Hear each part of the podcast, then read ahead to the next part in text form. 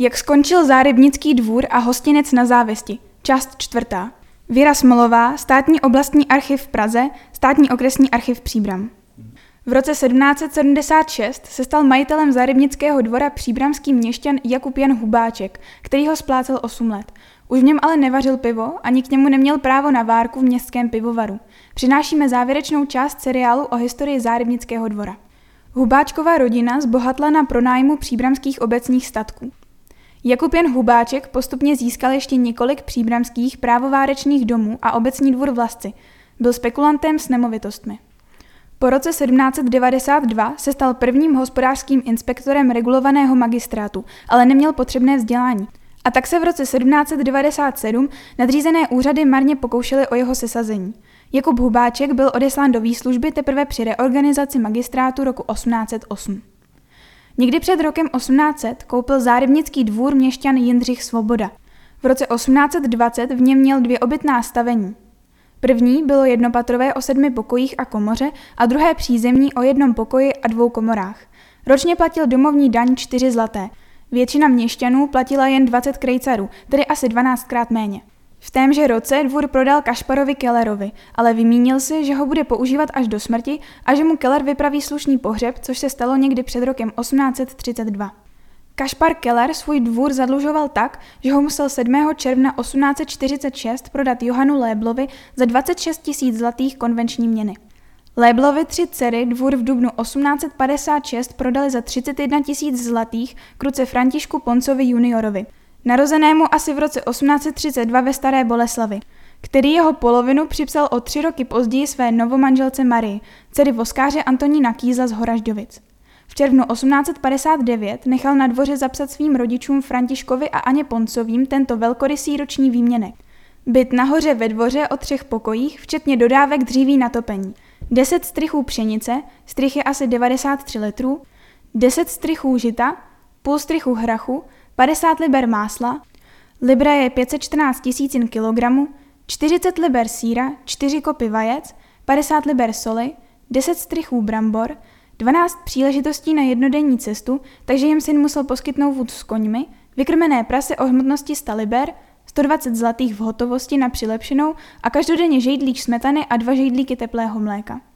Jeho manželka Marie jako 24-letá zemřela na souchotiny 18. dubna 1862 a její polovina dvora byla rozdělena mezi Františka Ponce a jejich dvouletou dcerku Marii.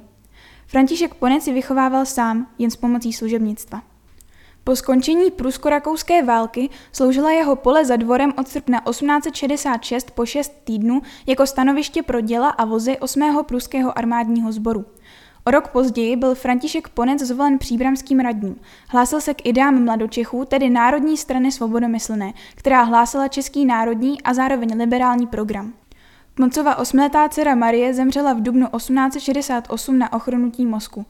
Dne 25. ledna 1871 postoupil František Ponec polovinu svého dvora zvaného už Poncův své druhé manželce Terezii Poncové, rozené Kratochvílové. V roce 1875 zažil jako jeden ze zakládajících členů úpadek příbramské záložny, vytunelované jejím předsedou a účetním. Velká část převážně drobných středatelů z příbramy a okolí tak přišla o veškeré úspory.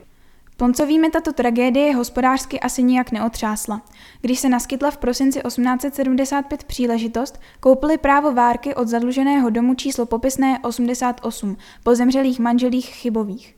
Toto právo v ceně 1150 zlatých nechali připsat k Poncovu dvoru. V lednu 1879 zaplatili i na dvoře váznoucí dluh 6458 zlatých do obecního důchodu a v prosinci 1880 ještě starou pohledávku Františka Kolera ve výši 800 zlatých. Od roku 1896 se ve dvoře usídlil Josef Soukup, narozen 1845 na Březových horách, který si Poncův dvůr o čtyři roky později koupil. Obytná stavení nechal rozdělit na několik bytů, v nichž bydlely rodiny jeho nájemníků.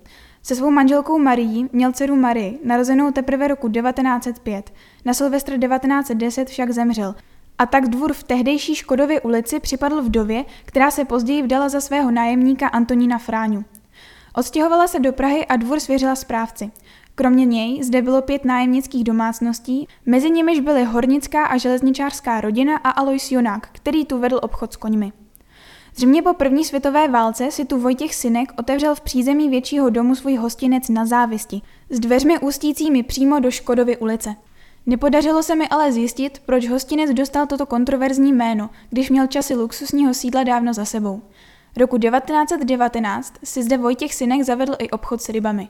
Hostinskou živnost s ním vedla jeho manželka Ludmila rozená Sirotková z Dalska Bátů, narozena roku 1888.